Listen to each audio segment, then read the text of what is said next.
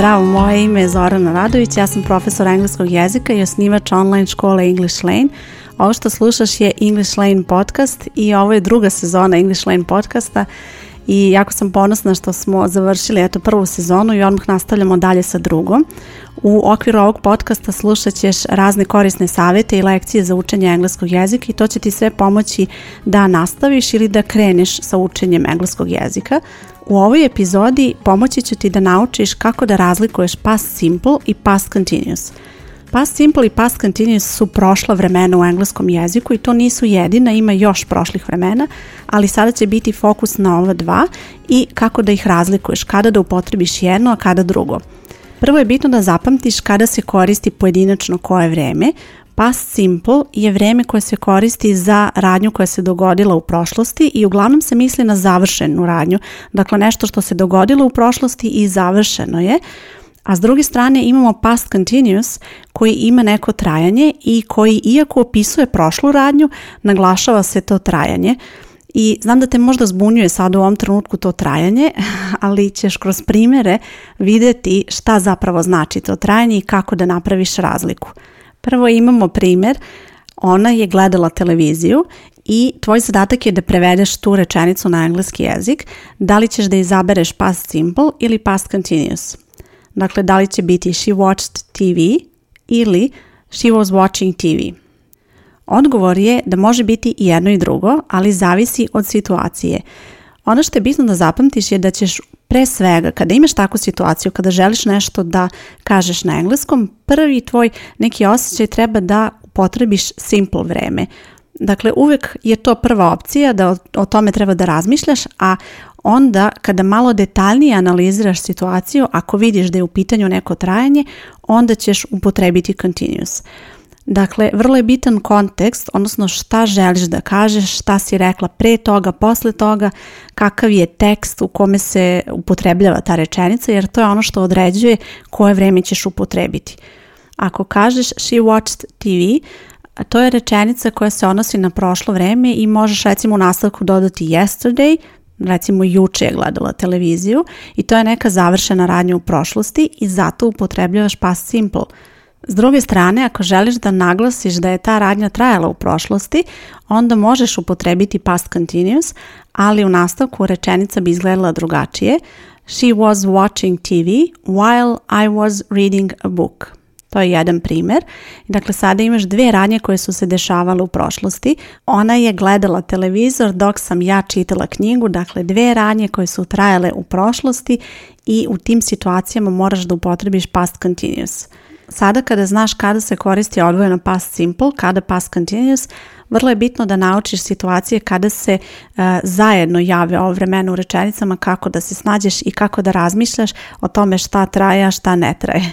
To jest šta će biti continuous vreme, a šta neće. U prvoj situaciji koju ću navesti ovdje je bitno da odrediš koja radnja je trajala i to je ona upotreba koju vidiš kada budeš učila past continuous, vidjet ćeš da je jedna od upotreba za radnju koja je trajala u prošlosti i bila prekinuta nekom drugom radnjom i sada ćeš vidjeti kroz primjer šta to znači. She was sleeping when he entered the room. Ona je spavala kada je on ušao u sobu. Was sleeping je radnja koja je trajala u prošlosti i zato je neophodno da u toj rečenici upotrebiš past continuous, a u nastavku rečenice entered je glagol u past simple vremenu zato što je to radnja koja je kratko trajala u prošlosti i to je zapravo radnja koja je prekinula ovu drugu radnju koja je trajala. Znam da ovo sada zvuči možda malo komplikovano i da je malo zbunjujuće to kad ti treba da odlučuješ koje vreme da upotrebiš i sad treba da razmišljaš o tome šta traje, šta ne traje, ali vrlo je bitno da analiziraš primere i kada razumeš te primere onda će ti biti jasnija upotreba i sada ću ti dati još jedan primer za istu ovu upotrebu koju sam već navela. They were looking at the screen when I arrived. Oni su gledali u ekran kada sam ja stigla. U toj rečenici, prvi deo rečenice je opet nešto što je trajalo, nešto što je počelo u nekom trenutku u prošlosti i trajalo je, ima neko trajanje, we're looking i onda u nastavku se koristi past simple za radnju koja je kratko trajala, arrived, stići. Zamisli sada situaciju u kojoj ćeš reći ovakvu rečenicu. Dakle, ti dolaziš u kancelariju i oni gledaju nešto u ekran i pričaju i to je situacija koja je trajala, a ti kada dolaziš to je radnja koja je kratko trajala i nešto što eh, je prekinulo ovu prethodnu radnju koja je trajala u tom trenutku u prošlosti. Druga upotreba za past simple je za dve radnje koje se dešavaju u isto vrijeme. To znači da za neke situacije koje se dešavaju u prošlosti u isto vrijeme možeš da upotrebiš past continuous i tada i prvi i drugi glagol treba da bude u past continuous vremenu. Nadovezat ću se na onaj prethodni primjer They were looking at the screen while I was working. Oni su gledali u ekran dok sam ja radila. Dakle, te dve radnje su trajale u prošlosti i zato će biti neophodno da se upotrebi past continuous za obe radnje. Obe radnje su trajale u isto vrijeme. To je ono što je bitno da zapamtiš kada je u pitanju past simple i past continuous vreme. Past simple se mnogo češće koristi i to je vreme koje ćeš koristiti kada prepričavaš neki događaj, kada opisuješ neke radnje koje su se dešavale jedna za drugom u prošlosti a kada želiš da naglasiš trajanje, onda ćeš koristiti past continuous. Još jednom ću se vratiti na ove upotrebe kroz nekoliko primjera i u svim primjerima ću upotrebiti glagol walk i onda će tvoj zadatak biti da razmišljaš o ovim upotrebama i kako i zašto sam ja upotrebila koje vreme u ovim rečenicama. I walked by the river yesterday. Juče sam šetala pored reke, radnja koja se dogodila u prošlosti i završila u prošlosti i zato je vreme past simple walked. Idemo sad na drugi primjer. I was walking by the river while the sun was shining. Sada sam i u prvom i u drugom delu rečenice upotrebila past continuous zato što su to dve radnje koje su trajale u prošlosti, u isto vreme su se dešavale i u tim rečenicama ćeš često vidjeti ovo while. While znači dok, za vreme, dok se nešto dešavalo, onda se nešto drugo dešavalo, to je past continuous. Sljedeća rečenica I was walking by the river when I met my sister. Hodala sam pored reke kada sam srela sestru. U toj situaciji prvi deo rečenice će biti radnja koja je trajala, past continuous, I was walking by the river, znači šta se nešto dešavalo u prošlosti i onda je to ta radnja bila prekinuta nekom drugom radnjom kada je ona srela nekoga, met my sister, to je u nastavku i to je past simple, to je kratka radnja. I još jedan primjer, they were having a meeting when I walked in. U ovoj rečenici prvi deo rečenice je radnja koja je trajala u prošlosti were having, a u nastavku će biti past simple walked in, opet je glagol walk i cilj ovih primjera je da ti pokažem da jedan glagol može biti upotrebljen u različitom vremenu, u različitim situacijama. Ono što je tebi bitno da znaš je upotreba kada se vrijeme neko koristi, ne samo za ova vremena nego i za ostala za sva vremena u engleskom jeziku, a vrlo je bitno i da E, znaš kako se međusobno vremena razlikuju i kada treba da se upotrebi jedno, kada drugo, kada se koriste u kombinaciji, kada možeš nešto reći i jednim vremenom i drugim, ali su situacije različite. Hajde sada da se podsjetimo još jednom, znači past simple, past continuous, kada želiš da prepričaš nešto što se dogodilo u prošlosti, kada su to radnje koje su se završile, koje su se nadovezale jedna na drugu, uvijek ćeš koristiti past simple jer nema razloga da naglašavaš neko posebno trajanje, a past continuous praktično čuvaš to vreme, to jest ne koristiš ga bez preke potrebe, koristiš samo kada želiš da kažeš da je neka radnja trajala i to će obično biti u situacijama kada je radnja trajala uporedo kada i neka druga radnja i tada će biti dva past continuous vremena, to jest dva glagola u past continuous vremenu u jednoj rečenici ili kada je neka radnja trajala pa bila prekinuta nekom drugom radnjem, tada je prvo past continuous, a onda je past simple. Kada imaš dilemu da li da upotrebiš jedno ili drugo, neka tvoj izbor uvijek prvo bude pas simple, pa onda razmišljaj dalje da li je ta radnja trajala, da li postoji nešto što je kraće trajalo, nešto što je duže trajalo, nešto što opisuje šta se dešavalo. Znači kad razmišljaš o tom trajanju, razmišljaj da li taj glagol opisuje nešto što se dešavalo u tom trenutku, da li ti možeš da zamisliš situaciju. Recimo u primjeru They were looking at the screen when I arrived. Ti tačno možeš da zamisliš šta se dešavalo. They were looking at the screen.